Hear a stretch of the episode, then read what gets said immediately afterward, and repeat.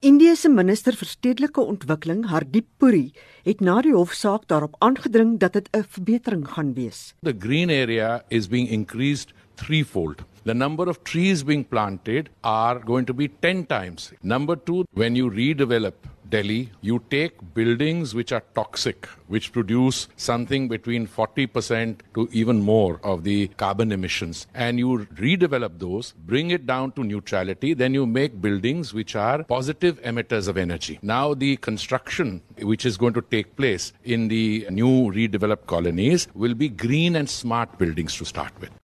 Die woordvoerder vir die Delhi Metro Raad, Richa Pandi, sê hulle is ongelukkig met die federale regering se besluit.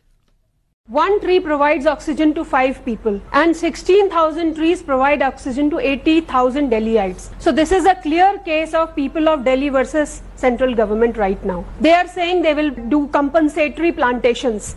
25 years are taken to create one tree which they are felling right now, a full grown mature tree. Maar omgewingskundiges soos Wemlendo Ja sê Delhi het 'n tekort aan 100 000 bome. A classic example of how government understands governance, but what is their understanding, their ethical provision, their commonsensical provision of understanding that if a city like Delhi, which is so polluted, here the government needs to take care of short term, medium term, and long term measures. Instead, what we actually see that the central government says that let's go and cut down 16,500 trees. Die nasionale groentribunaal sal die saak op 2 Julie aanhoor terwyl dit in die Hooggeregshof op 4 Julie aangehoor word. Rana Sen het hierdie verslag in New Delhi saamgestel.